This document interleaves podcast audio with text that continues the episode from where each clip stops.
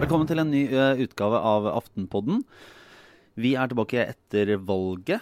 Um, har med oss uh, alle sammen. Alle hjerter gleder seg. Trine Eilertsen, Ja. har, du, uh, måtte, har pulsen roet seg etter valgkvelden? Ja da, det har han. Det er um, Fått sovet litt, men ikke nok. Må få lov å understreke det. Ikke nok. Hvem gjør vel det? Sara? I hvert fall ikke jeg. Nei. Men jeg har kommet meg litt. altså Jeg har jo fått uh, summa meg. Det var jo en veldig spennende valgnatt. Uh, med et sånn, sånn sett faktisk litt kjedelig resultat. Altså i forhold til akkurat spenningskurven. I og med at uh, både KrF og Venstre redda seg over sperregrensa. Eh, så sånn sett så har jeg liksom nå landet i virkeligheten igjen og tenkt at ja ja. Men eh, det er nok å snakke om, det er ikke det, altså. Men uh, godt å være tilbake i studio. Godt å være tilbake til en slags halvveis normal tilværelse igjen. Ja. Og vi, vi, kommer, vi kommer til å snakke om alt det som, det som skjer, men, men vi konsentrerer oss om Arbeiderpartiet, som, som sliter, og hva som har skjedd der. Nå begynner jo eh, action og begynner å spille seg litt ut, kanskje. Og så er vi på de borgerlige partiene og sentrumskameratene, som nå sitter og prøver å bli enige om hva de skal gjøre. Og Venstre snakker nå og mye åpnere enn før om å gå inn i regjering. Ja. Er det litt sånn som da SV gjorde det dårlig i 2009 og sa ja, ok, nå har vi gjort det så dårlig at vi må få enda mer innflytelse? Ja. ja, det kan du si. Det er jo eh, Jeg tror altså denne sitsen er jo litt forandret nå på borgerlig side. Før så trengte jo regjeringen bare ett av de partiene til flertall. Sånn at den som eh, hadde gått inn i regjering da, hadde jo, hadde jo blitt del av en flertallsregjering. Men det var jo aldri tema for KrF og Venstre å skille lag forrige gang. Eh, litt usikker på om det er tema nå. De gjør veldig forskjellige vurderinger. Prøvde å snakke med Venstre, en i Venstre rett før vi gikk på her nå. Eh, og var veldig sånn Nei, vi har så vidt begynt å, å åpne den boksen. Men det vi har gjort i valgkampen, er jo ikke stenge noen dører. Og holde alt åpent. Og det er vi veldig glad for nå. Så vil vel kanskje mange mene at eh, det ble noe slamret med noen dører i vinter. Og rett før landsmøtet, da Trine Skei Grande sa at hun skulle sparke Frp ut av regjering, og felle regjeringen, faktisk, hvis Frp skulle sitte der. Men så skiftet hun mening nå etter et døgn. Og veldig strategi. Og det, men det var jo sånn faktisk i, før, før eh, regjeringsforhandlingene og samarbeidssamtalene eh, ved forrige valg, så var det jo kilder ganske høyt opp i Venstre som sa at de ikke nødvendigvis måtte holde sammen. Ja. Eh, Men så ble det satt veldig på plass av eh, Trine Skei Grande, og hun Ja. måte sa hvor skapet skulle stå. Det var 'vi er sammen i sentrum', uansett. Men sånn er det ikke nødvendigvis nå. Nei, det er ikke nødvendigvis nå. For det, det, det er jo, vi snakker om om den slitasjen regjeringssamarbeidet har hatt på eh, altså forholdet mellom de regjeringspartiene og støttepartiene. Men forholdet mellom støttepartiene òg er, er jo slitent. Eh, og særlig i fjor høst under den budsjettkrangel budsjettkrangelen og mm, drivstoffavgift-diskusjonen, så var jo mange i KrF de var jo, de var jo mye mer sur på Venstre enn de var på Høyre og Frp. For det var nå de er nå der. Men vet, mange i KrF er jo ikke interessert i sånn høye eh, drivstoffavgifter på alle som eier bil utenfor de store byene. Det er litt sånn Senterparti Altså KrF er veldig likt Senterpartiet på nesten alle politikkområder. Det er et slags eh, Senterpartiet pluss Gud. Og det eh, Men jeg var, jeg var tenkt de der fire partiene nå. Det var litt sånn her, de, jo, de er selvfølgelig sikkert veldig veldig glad for eh, valgresultatet og fire nye år og bla, bla, bla. Men sånn rent sånn jeg får litt den følelsen nå at det er litt sånn som hvis du har vært på, med hele storfamilien på ferie. Eh, og så har det bare skåret seg noe innmari, og du har krangla med alle, og alle er egentlig enige om at vet du hva, vi trenger ikke å feire jul sammen, alle sammen. Det er helt fint å gjøre det litt hver for seg. Og, altså, men så blir det sånn Nei, nå skal vi i fire år til dra på det samme stedet sammen, hele familien. Og bare være sammen. Og elske det, liksom. Når du, det er det familier gjør. jo, men det er det der følelsen av sånn tvungent fellesskap da, som er liksom det som gjør hvis man, eh, Det er det som gjør sånne familiekonflikter så utrolig slitsomme. Det er at de er der for alltid. Jeg bare lurer på om de har litt den følelsen av sånn Ja ja, OK, nok en gang, here we go. For det, de konfliktene som var der i fjor høst, de er jo definitivt fortsatt der. Eh, og det rare også er jo at eh, nå verserer det ulike liksom, forslag til til hva Venstre burde gjøre for å nøytralisere Sylvi Listhaug, som veld, veldig mye har handlet om og kommer til å handle om. Og da er det jo alt fra sånn Dere må inn i regjering. Eh, og kreve liksom, eh, innvandringsministerposten nærmest, og liksom inn i regjering for å nøytralisere Listhaug inn i regjering. Eller sånn, dere må ikke finne på å gå inn i regjering. Dere må liksom bare dere må, ikke, dere må bare være i opposisjon til denne regjeringen så lenge Listhaug sitter i den. Eh, det er jo veldig ja. Det er en veldig optimistisk tanke fra Venstre at de, at de ved å gå inn nå skal på en måte nøytralisere den statsråden som på mange måter står sterkest etter dette valget. Altså Fremskrittspartiet har gjort det, eh, sett på som har gjort det ganske solid, og Sylvi Listhaug ses på som kanskje den, den fremste sånn valgkampprofilen i Fremskrittspartiet. Så at, at de skulle mm, tenke sånn Å ja, nå som vi får Venstre inn i regjeringen, da legger vi bort vår politikk. Det er litt sånn som Ja, eh, men det er jo det som er litt interessant, da. For den politikken er jo egentlig ikke først og fremst det som har vært problemet. Det er jo, altså med Sylvi Listhaug har jo drevet med den politikken, så riktignok Venstre var litt, uh, hadde uenigheter med den, det forliket i fjor. Uh, men det er jo ikke politikken som er det største problemet med Sylvi Listhaug. Sånn at hvis du hadde satt en Venstre-statsråd inn til å forvalte den politikken tror du hun forandrer eh, personligheten sin, da? Nei, men det er klart at det er jo noen som snakker om Tenk hvis hun ble kommunalminister. Har ikke det vært gøy å sende henne til Vestlandet og slå sammen kommuner, liksom? Må jo være fint. Mm. Men, men, men, men det er jo Altså Uansett for Venstre, da, som har hatt den der eh, Nå har de holdt på med det samarbeidet i fire år. De har virkelig en lang liste med saker de har fått gjennomslag for. De har fått langt mer gjennomslag for enn størrelsen skulle tilsi. Det har de virkelig fått. Og når du tenker på at de ikke er i regjering. Eh, og så har de fått, eh, hatt veldig liten mulighet til å vise det frem, for de har ikke hatt statsråden som kom med, med saken, som la frem saken. De har ikke liksom fått, fått den oppmerksomheten for sakene sine som, som de ville fått hvis de satt i regjering. Ja. Og det begynte jo, altså Folk i Venstre har jo snakket om det hele veien, at kanskje det var Kanskje vi skulle gjort det på en annen måte den gangen for 20, i 2013. Og neste gang ved neste korsvei må vi i hvert fall gjøre vurderingen på nytt. Ja. Det kan ikke være noe automatikk i at vi fortsetter med det vi har nå, for det har vi ikke fått betalt for. Og det er jo et mirakel at de kom over sperregrensen. Og jeg å si, Det er ikke bare Venstre sin fortjeneste. Vi har jo saken i dag Ja. om eh, sympatistemmene fra, fra Høyre-folk som skulle redde regjeringsprosjektet. Men det går også rett inn i, i den strategidiskusjonen nå. Eh, regjering, ikke regjering. Altså det er jo liksom, hvis du tenker på den andelen Venstre-velgere som nå egentlig er høyrefolk, som stemte for å, for å beholde regjeringen, stemte Venstre for å få dem over sperregrensa, som, som ser på Venstre som en forlenget del av regjeringsprosjektet. Det er liksom en side av, av, eh, av saken. Og så har du de som, er, eh, som stemmer Venstre fra en, et helt annet ståsted, og som kanskje står fjernere fra Frp, og spesielt da Listhaug, enn nesten noen andre. Du må kanskje helt- til Rødt, liksom, for å finne noen som, som står lenger, lenger fra. Den, den vanvittige splittelsen i et så bitte lite parti, eh, det er jo klassisk Venstre, selvfølgelig, da. Men jeg tenker det, jeg, for Trine Skei Grande å forene disse ulike eh, hensynene, eller ja, hvordan skal det være? Jeg skjønner liksom ikke Og på kort tid, altså jeg vet ikke, Ja. Trine, hvor mange dager de har på seg for å liksom legge denne planen. Men Nei, de føler jo sjøl at de har ganske god tid. For nå er det en regjering som jobber, og de jobber med statsbudsjettet. Du skal jo snakke med dem om statsbudsjettet. Før det kommer så langt, så må de jo ha en eller annen form for plan, da. Mm. Men i hvert fall de snakker som om de har veldig god tid. Og det, fordi dette er jo de nødt til å ta med partiorganet. De skal ha masse møter denne uken, neste uke. og og få opp hva som, eh, hva som skjer der ute. da. Men det som, det som jeg syns er fascinerende både med Venstre og KrF, og det er så mange gode grunner til at de ikke er regjering, men de understreker, og det, og det er helt sant, jeg mener det er ikke spinn engang, de har fått ekstremt mye gjennomslag. Politisk gjennomslag. Mm. Og så Hvis Knut Arild Hareide i går ble spurt ja, men eh, du kan jo forhandle vekk Listhaug, kan ikke du prøve det, da? Nei, det handler ikke om personer, det handler om politikk. Og så er det bare det at Hadde det handlet om politikk, så hadde det vært kjempelett. Det har ikke vært noe vanskelig. Da er det bare å gå inn og si det. Ja, vi er kjempeuenige, men vi går inn og så prøver vi å få så mye gjennomslag vi kan. Mm. Altså sånn maktståsted. Men det handler ikke om politikk. Det handler om å bli klistret opp mot uh, personer og en politikk som du ikke liker. Selv om det ikke er politikken til regjeringen som du er med og støtter. Så det blir en, sånn- det er masse emo. Og det der med ja, det er politikken som teller, det skal du ta med en container salt, altså. Men, men hvor, eh, hvor mye mulighet har sentrumspartiene til å si til Erna Solberg og Siv Jensen for den saks skyld at OK, vi er med hvis Sylvi Listhaug byttes ut? For det, for det første, vil, vil eh, Frp ha med sentrum? Erna Solberg har jo sagt hun vil det. Men vil, vil Frp det? Og Siv Jensen andre, sa har de jo det. mulighet til å komme med sånne krav eller, eller forhandlingsutspill? Ja, altså, jeg tror Siv Jensen vil jo det. Altså Jo sterkere regjering de har, jo bedre er det jo for de òg.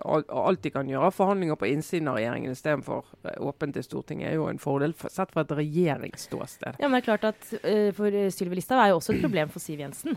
Eh, mest sannsynlig. Nå er ikke jeg inni hodet til Siv Jensen, og hun vil jo aldri si det eh, sånn ut i offentligheten. Men det er klart at jeg bare antar at det er en utfordring for henne som leder av partiet å ha en statsråd som spiller såpass eh, sitt eget spill. Har... Så det er ikke sikkert det er henne imot heller at Listhaug får en litt mindre fremtredende rolle. Men problemet er at det er ikke sikkert hun får gjennomslag for det i sitt eget parti, som hun sitter på mandat fra.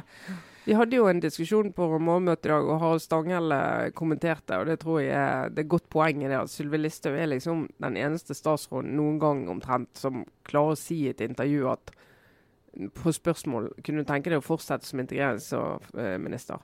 Ja, det kunne jeg tenke meg, istedenfor å si det må være opp til Erna Solberg og vurderingene for regjeringen som helhet. Og jeg, jeg tar de oppgavene partiet og Erna gir meg, Mm. som jo er den ydmyke eh, innstillingen du har til det når du er statsråd.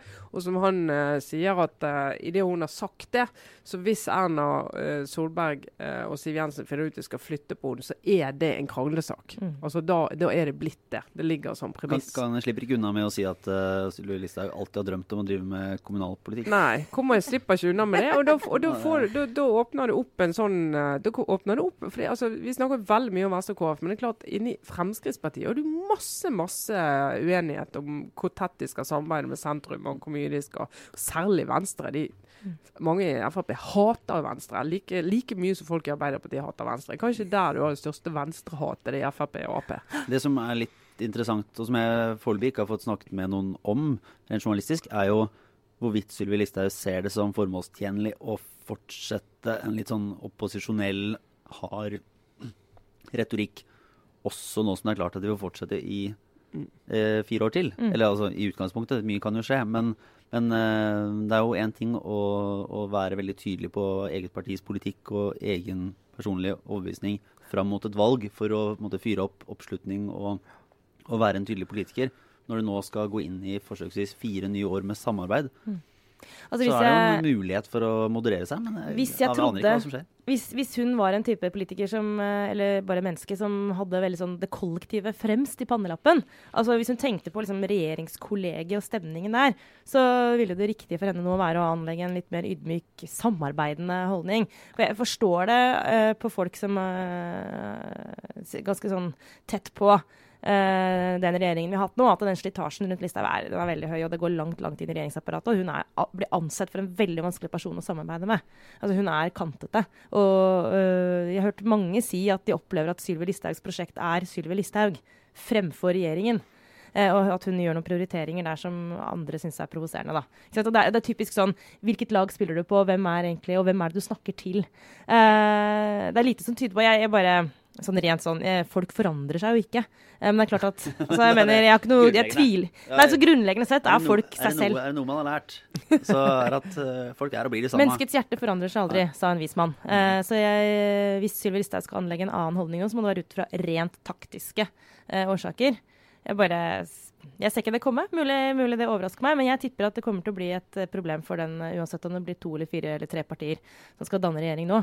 Så vil de måtte forholde seg til henne som en ja. eh, slags gnagsår. Ja, ja det må, men, det, men det som er litt eh, interessant For det var ikke mange tusen stemmene det sto om at eh, regjeringsprosjektet hadde vært kjørt. Mm. Hva diskusjoner har du hatt da på borgerlig side, eh, som jo er svekket, og i stemmetall selvfølgelig tapte valget, um, og har gått tilbake, og særlig KrF. da. Og så vil jeg, altså I Høyre og i Frp så er jo litt historien der om at KrF har håndtert denne makten de har hatt veldig dårlig, og at de har problematisert for mye, og at de har liksom vist frem eh, frem eh, forskjell eh, og gapene for mye. Eh, og blir litt sånn, så Hvis KrF endrer atferd, og Venstre liksom skjønner at de må gjøre det på en annen måte, så går dette bra. Og det er altfor lite for å sette, i hvert fall for sånn strateghold i Høyre eh, å å ta den diskusjonen om ja, men hva har Sylvi Listhaug betydd? Altså, Erna Solberg kan godt si det, at det burde ikke bety noe. Mm. Det kan hun godt si, men det er et faktum at det har det gjort. Og da hvis du ikke har noe som helst tanke om, om å gå inn i det, det kommer de aldri å gjøre i vårt påsyn, men heller ikke internt, så er jo det en veldig sånn ja, nesten litt sånn teflonaktig måte å forholde seg til realiteter på. På, For det kan godt være irrasjonelt og dumt og alt det der, men det er sånn det er. Men på en mer sånn eh, personal note, på godt norsk, så ja, jeg er faktisk enig i de som eh, hevder at Erna Solberg fremstår som en svekket leder når hun ikke liksom pisker Sylvi Listhaug på plass. Men Det er ulike det, Ja, hvem vet altså, hvordan det hadde slått ut hvis hun hadde gjort det isteden. Kanskje det var en strategisk bakgrunn for det som jeg ikke kjenner som var veldig god. Men, men det der å liksom ha en sånn person i staben sin, eh, og det å være så flegmatisk i møte med det som det Solberg har vært sånn personlig for meg, det synes jeg, jeg synes hun fremstår som en svak leder pga. det. Mm. Og så vet jeg at det her er bare en mening. Det, folk har forskjellige oppfatninger rundt det. Men jeg bare tenker liksom hvis, Enten så er hun faktisk sånn, eller så må det være så hardt tilkjempet, den roen, at det imponerer meg. Men Mm. uansett, da. Jeg, jeg, må si jeg er spent på nå. Men jeg, jeg, Hva som skjer med mitt inntrykk er at hun er sånn, fordi at hun, hun syns mye av det der eh, ja, med retorikken og oppfatning og etterlatt inntrykk, alle de diskusjonene, er sånn som hun får helt sånn makka. Ja, hun tenker ja, men. Kanskje vi snakker om politikken og saken, og er det liksom hvor mange dager norskopplæring vil de ha, og hvor mange timer vil de ha? Det er jo det vi må se. Altså, ned der. Ja. Uh, og det er, det er Det tror jeg hun skal få hjelp til å skjønne at det er ikke så kantete. Jeg for som leder også. En Verden ting er ikke så regneark, da. Nei, og En ting er jo hennes egen uh, prioritering rundt for, altså at, er, at hun prioriterer sak uh, soleklart foran både retorikk og oppførsel og sånn. Men det er klart, hvis det blir et problem for hennes stab altså Hvis, hvis, hvis eh, andre statsråder liksom plages, eller hvis konfliktnivået i, i eh, regjeringskolleger blir såpass høyt fordi du har én statsråd som liksom ikke spiller på lag, så må hun som leder også forholde seg til det. Om ikke hun selv blir plaget av det, så må hun også etter hvert sannsynligvis Hun må jo nå ta stilling til om den slitasjen som andre statsråder kan føle, er det verdt det. Det blir, det blir jo sikkert en sånn samtale hun har med seg selv og noen nære rådgivere nå i dagene og ukene som kommer. Men altså, tilbake til Venstre, da. Ja. Altså, Bør de gjøre dette? Det er jo det store spørsmålet. Og da er jo spørsmålet hva har de å tape på å gjøre det? Ja. Hva har de å tape på å gjøre det? Altså, de det, må, det er jo det valg. de må diskutere.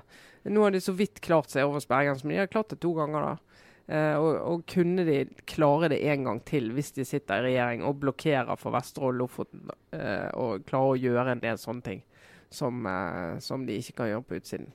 Altså, det er jo helt sjukt hvor mye vi snakker om disse to bitte små partiene, og særlig Venstre, da, men også KrF. liksom. De må jo bare le hele veien til banken. Altså, Å representere så få i dette landet og ha så mye makt, det er jo helt eh, Det er egentlig ikke helt Sånn er det parlamentariske systemet, Sydhjem. ja, jeg, jeg, altså, jeg respekterer at vi er et demokrati og at bla, bla, bla, men når liksom Sveinung Rotevatn ryker ut av Stortinget og Carl Erik Grimstad kommer inn altså Det er sånne ting som kan gjøre at eh, du tenker sånn Vet du hva, jeg er ikke helt sikker på om det systemet her har livets rett. Faktisk. Men eh, ja ja. Det er kanskje bedre enn alternativet. Ja, det med Rotevatn, det mener jeg men vi må få lov å si at vi sørger over, altså. Altså, han er helt uavhengig av parti en av de synes jeg, beste av de unge politikerne i dette landet. Pluss at eh, han faktisk eh, er en ganske god kulturpolitiker. Tenker Ja. ganske bra rundt det, og det er jo ikke akkurat De henger ikke på trær. Nå trodde jeg at du skulle si at han, at han var en uh, Aftenpodden-lytter. I Friend of the Pod. Og jeg apropos Friends of the Pod, Sara. Ja. Du har et godt, men ubekreftet rykte. Det har jeg faktisk. Det kan jo ta oss over til det andre store temaet denne, eller disse dagene, som er Arbeiderpartiet. Altså, vårt lille land. Noen ganger så kjenner jeg bare det er, På en måte kan man sikkert bli litt lei av at det er så lite her, men det er jo først og fremst litt sånn rørende vakkert.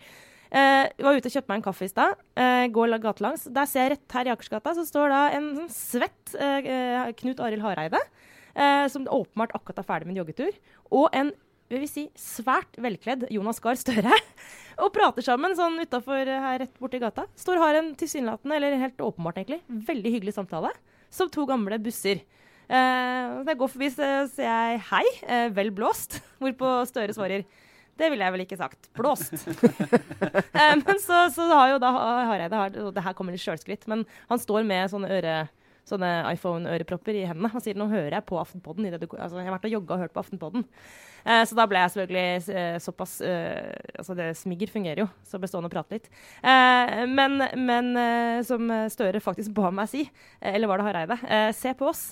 Rapporter gjerne om god stemning mellom KrF og Arbeiderpartiet. Og da tenkte jeg også når jeg så de to der, altså de har åpenbart god personkjemi. Eh, for Altså når jeg så, tenkte jeg, Knut Arild Hareide, her står du sammen med en person som du politisk og menneskelig sett sannsynligvis har så mye mer til felles med enn de der folka du skal prøve å lage en eller annen form for regjering med nå. Men han har godt forhold til Erna, altså. Ja, Han har sikkert det, Det altså. trenger du ikke tvile på. Nei. Men, Nei. men ja. Nei. Du, det er kanskje, jeg, kanskje bare at de er sånn snytt ut av nesa på alle sånne folk som går rundt i den andedommen her. Altså, De er en del av dette miljøet som sirkulerer rundt Akersgata. Men, eh, men morsomt likevel å se at de to eh, hadde en såpass eh, Hva skal vi si? Det er omgjengelige, Omgjengelige omgjengelige Norge, der to valgtapere kan stå og ha en hyggelig samtale to dager etter valget. Ja, litt sånn gruppeterapi sammen. var, ja. Ja, men det er veldig bra. Men det er jo eh, De kan jo hende de skal snakkes mer. Ja, vi tar en, en kjapp runde på Arbeiderpartiet, status der. Det er Ja. jo et uh, Blame game Ja. er i gang. Det var en sak i VG i dag om at Trond Giske får uh, skylda. Ja, men altså, Det varierer jo her nå fra dag til dag hvem som får skylda. For samme avis skrev jo for eh, en, altså, faktisk allerede valgnatta at Jonas Gahr Støre får skylda. Eh, så det er jo litt sånn som Trine sa, det blame-gamet. det- Jeg tror ikke vi skal Jeg tror vi skal ha litt is i magen nå på hvem som ender opp med skylda. Og det som eh, det man kanskje kan se ut fra, fra samtalen jeg har hatt både i, i valgkampen og, og nå etter valget, er jo at eh, man for, frykter en slags intern kamp, og så forbereder man seg litt på det. Og så er det noen som da kanskje er litt tidlig ute med å få satt ned noen markører, da. Ja. Uh, og så er det, det det som vel sånn internt har vært mest snakket om, er jo at Trond Giske kan være interessert i å ta over dersom det på et eller annet vis skulle Jo, skulle men bli et skifte. Og det, det er jo ikke noe overraskende for mange analytikere. Men, eh, men han har jo også en ganske klar eh, gruppe som, som står imot, og som ikke ønsker dette. Og det ser jo litt ut som de kanskje har vært eh, tidlig på og bare påpekt eh, overfor VG at eh, Trond Giske jo har vært, om ikke formelt valgkampsjef, så blir betegnet som mannen bak hele Arbeiderpartiets valgkampstrategi. Mm. Og det er jo Altså, han har jo den posisjonen i partiet som gjør at noen har behov for å sikre seg at at dynamikken ikke plutselig får en form som gjør at Å, ups, der gikk lederen av, og vi må skynde oss å få en ny leder. Og der sto du og var ledig, da blir du leder. Altså, det, Den er jo der, sant. Men uh, det tror jeg ikke har vært Altså, har jo ikke vært en Og det er ikke en reell problemstilling sånn som det er nå. I hvert fall nå skal de ikke ha havarikommisjon, det var de opptatt av å si i går. For vi har ikke eh, gjennomgått et havari. Nei. Eh, Så det er bare en, Bare en eh, veldig veldig alvorlig ulykke. evaluering. Ja. Ingen casualties, nei. Eh, Så skal vi finne ut hva som har skjedd. Og nå begynner de å få innspill ute fra omlandet og medlemmene og fylkeslag og alt dette. Så vi, det skal vi helt sikkert prøve å tappe inn i og finne ut hva de sier. Det må vi jo gjøre. De må jo finne ut hvorfor ørn blant partier ble en måke. Og så er det jo påfallende, det er jo, det er jo påfallende å se hvordan ledelsen står på pressekonferansen etter sentralstyremøtet de hadde på, på tirsdag. Og er virkelig sånn Ja, vi er et lag. Her, skal, her har alle vært Alt har vært godt forankret hele veien. Vi har vært sammen om alt. Uh, ingen skylder på noen. Og så vet man jo når man snakker med folk i partiet, at uh, her er folk uh, ganske irritert, og man har plenty av folk å skylde på. I, I alle mulige slags retninger. Det er jo typisk når noe går galt, så er det jo ikke sånn at, at hele organisasjonen sitter og tenker at ja, dette var vi sammen om, og Nei, men jeg tror vi skal skille litt mellom tror vi skal skille litt mellom politisk ledelse og de diskusjonene rundt om den er god nok, og, og om den skal forbli som den er, og rådgiverapparatet eh, rundt Støre. Fordi jeg, jeg opplever i hvert fall at liksom, det jeg har fanget opp av kritikk, har gått mer imot, og særlig liksom, mediehåndteringen eh, i denne valgkampen, og noen av de rådgiverne som har vært rundt der, som får ganske hard medfart. Eh, jeg tror det mer er en det, det tror jeg er en reell diskusjon, mer enn akkurat liksom Støre som leder og hans to nestledere. Nå- Eh, nå, nå sa jeg i stad at mennesker forandrer seg aldri. Og jeg tror eh, virkelig at Trond Giske til en, altså Hvis noen kom og ga han det partiledervervet Kan ikke se for meg i ett sekund at han vil si sånn Nei, kanskje ikke jeg er rett person. Altså, da ville han, jo, han ville jo gått inn i det hvis den døra sto åpen. Det er jeg ikke et sekund i tvil om. Men, men, men det vet jo alle journalister. Det er på en måte en saying om Trond Giske. Han er alltid på jakt etter Han er en politiker som er opptatt av makt og innflytelse. Han vil sikkert gjerne bli Arbeiderpartileder, men å gå derfra til å tro at han akkurat nå eh, har sikta seg ut den jobben og skal sette i gang en sånn intern maktkamp og vinne over Støre og sånn, det tror jeg bare er det, Eller Eller det er, tyder ikke på det.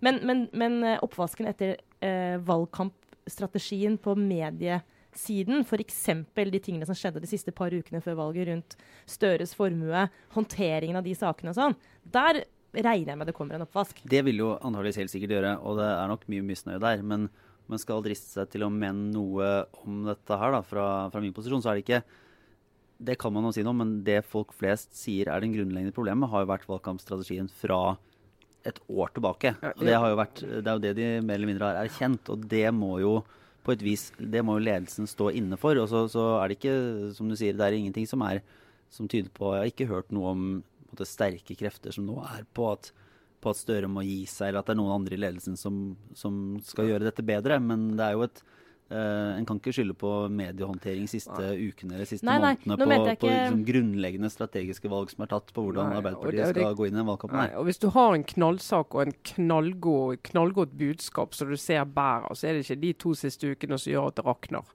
Det er det ikke. Det kan justere litt, men det er ikke det som er avgjørende. Stein Lier Hansen i Norsk Industri, tidligere Ap-mann, eh, kanskje han er det sikkert ennå, eh, sa jo det, og det tror jeg er veldig presist. Men uh, Arbeiderpartiet var ett år for seint ute. Altså det de, Den valgkampen de har nå, burde de hatt for et år siden.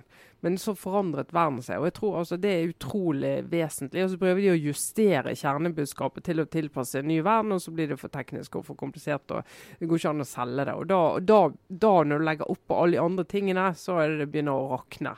Og alt liksom blir i feil retning. Men det, nå er det jo nok av Men tenk, altså nå står det der, de gikk for langt til høyre fordi de flørtet med KrF og Venstre.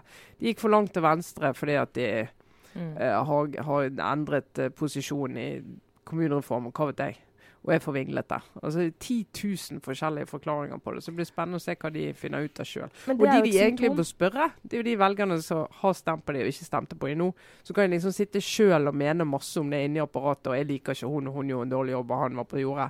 Men de må jo spørre de som faktisk ikke valgte det nå, da.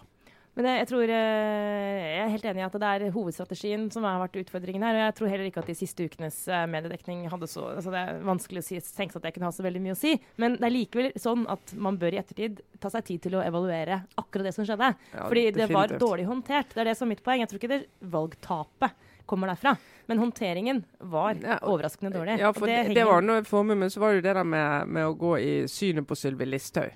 Ja. Eller egentlig på Erna Solberg, for å legge liksom ansvaret for Sylvi Listhaug sin uh, fristil på Erna Solberg. Og du vet jo var en diskusjon i partiet om det var riktig å gjøre det. Fordi at de var redd for å, å havne i en sånn De var redd for å havne i den der uh, soft on immigration-boksen. Mens det som skjer, og det ser du en del kommentarer på nå, det er jo at en del som sitter og vurderer å stemme Arbeiderpartiet, de opplever at de blir at de får karakteristikker av Norges største parti. Altså De blir lagt i en haug der du er et kaldt menneske.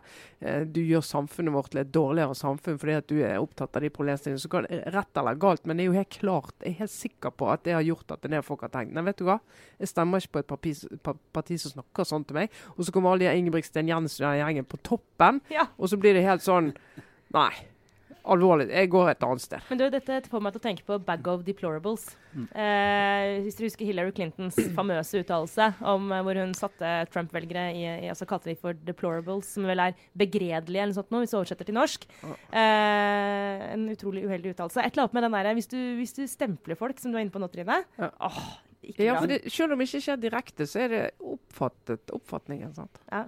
Mm. der er inne i 1000 ulike forklaringer, og det går inn til, eh, til vår lille runde med obligatorisk refleksjon. Ja. Uh, og der har du uh, snakket altså Du er jo rett på uh, ei som har 1000 ulike forklaringer på hvordan det alltid gikk så galt. Ja, altså, dette, Nå skapte jeg en utrolig profesjonell overgang her mm. til det jeg egentlig skulle snakke om nå, nemlig Hillary Clinton. siden vi er inne på OR. Jeg skal gjøre det kort, men uh, fordi vi kommer garantert tilbake til um, Arbeiderpartiet og hva som har skjedd og hva som kommer til å skje. Og vi kommer også garantert tilbake til Hillary Clinton, fordi nå, nå kommer endelig etter ti måneder, så er hun liksom klar. Uh, Krøpet ut av skogen og satt ja. fra seg bikkja og er i, i gang med å snakke. Og det er jo eh, flere, bl.a. våre frenemies i Jæver og Joffen, som har trukket parallellen mellom Støre og Clinton eh, tidligere i denne valgkampen. Eh, nå, nå, er det mm, åpenbart stor forskjell på de to, men de har jo noen ting til felles. Bl.a. tapte de et valg som alle trodde de skulle vinne. Nå har Clinton skrevet en bok, og i går så jeg et intervju med henne. Det er et par dager gammelt. Som første gang hun snakker ut. Det var Urix som viste det her i Norge i, i går.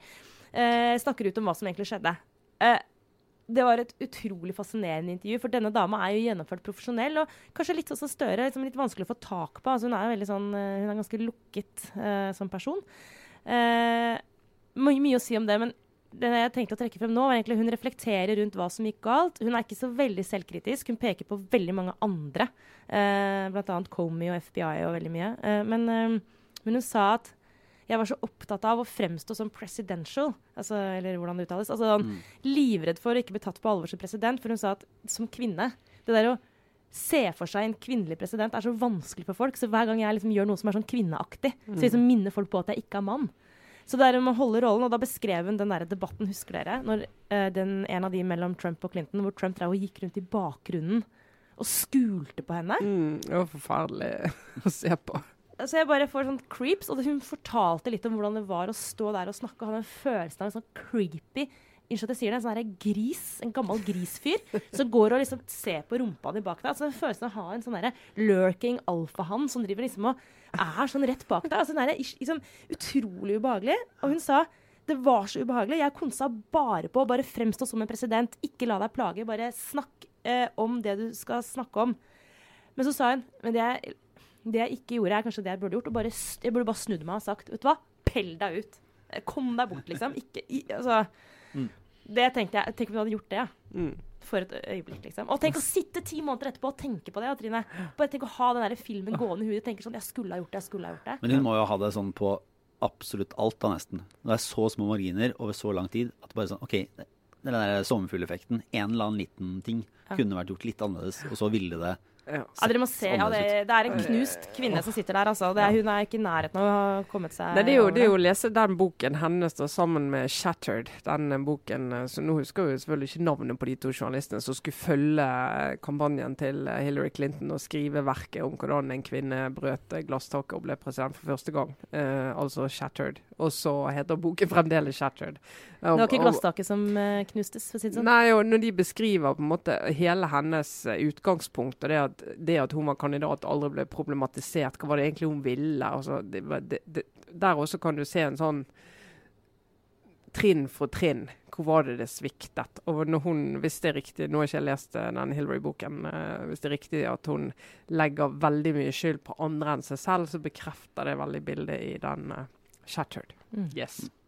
Og du Trine, hva går du inn i eh, Nå er det bare, vi er jo en dag for tidlig ute. Dessverre er det ikke helg ennå. eh, podkaster som er eh, så moderne som våre, blir forskjøvet litt pga. planleggingsdager i barnehager og Ja. andre Sånne ting normale hendelser. Nei, altså det jeg eh, har brukt tid på til etter valgkamp denne uken, det er jo å tenke på Frank. Franken som gikk bort lørdag kveld. Frank Aarebrot. Eh, valgforsker eh, alle valgforskere i Norge. Han begraves torsdag i morgen i Bergen. Og han eh, han ble jo syk forrige uke eh, og sendte en eh, Facebook-melding som en av mine gamle kollegaer i BT la ut eh, offentlig før helgen Han skrev at Franken hadde ringt fra sykehuset og hadde sagt det at han hadde fått et hjerteinfarkt, og det var så mange som prøvde å få tak i han som hun kunne hjelpe han med en liten sånn pressemelding eller noe sånt. Eh, Og så, så håper jeg kommer med til valgdagen. Eh, men hvis jeg skulle havne i pennalet, som han skrev, på valgdagen, så har dere i hvert fall en god story. Nå, eh, og det er typisk Frank, å faktisk komme inn med en livstruende sykdom, og så eh, har du den Klare måten å, å snakke ja. om det på, da. Men han gikk altså bort på lørdag, og han, han var min foreleser i sammenhengen politikk i 1992. Jeg og mange mange andre, flere tusen andre studenter, og alle husker han. For han står igjen som en sånn helt spesiell mann. Som eh, kunne fortelle om faget sitt, om valgforskning, om europeisk partihistorie, demokratiutvikling. Med sånn engasjement og så levende, uten et eneste notat, ingenting. Og så var det en venninne av meg som jeg studerte med den gangen, som minnet meg på eh, at av og til så skjedde jo det at alle vi satt inne i forelesningssalen, og så var ikke Frank der. Så var det sånn Her nede, han er nede på Bakker Brun. Ja, da må en løpe ned og hente han, for han har glemt det. Så løp ned og hentet Frank, som hadde glemt det. Så kom opp og sier ja, hva var det vi skulle ha om i dag? Nei, det var, det var Belgia-Nederland. Ja, Belgia-Nederland! Og så kjørte på med Belgia-Nederland, og liksom med masse anekdoter og detaljer. og Du glemmer aldri forelesningen om Belgia-Nederland. og det, og det, nå er han eh, borte. 30 år for tidlig. Ja. Um, hadde noen helse og fysikk som gjorde at det ikke er helt uventet, men veldig trist likevel. Det må jeg si. Jeg kommer til å savne Frank. Og en, eh, Frank. og en eh, som journalist, en mann med en eh, veldig veldig god innstilling. Som var den derre Hvis du kan så mye som meg, så må jeg fortelle litt om det. Da, Ja. da må man svare når det ringer journalister. Uh, han svarte villig vekk på ting han kunne alt om, ting han ikke Jeg kunne angrer, så mye om. jeg angrer på nå at jeg takket nei for mange år siden til å være med, på, være med Ola Borten Moe og Morten Søberg og Frank Aarebrot på studietur til Finland for, å se på, for å studere den finske parlamentarismen. Da jeg jobba som journalist i Klassekampen. eh, Om jeg kunne være med eller være med å dekke det. Jeg takket dessverre nei. Jeg angrer som en En, hund. en del gode grunner til å takke nei, og så er det noen gode grunner til å takke ja. Ja.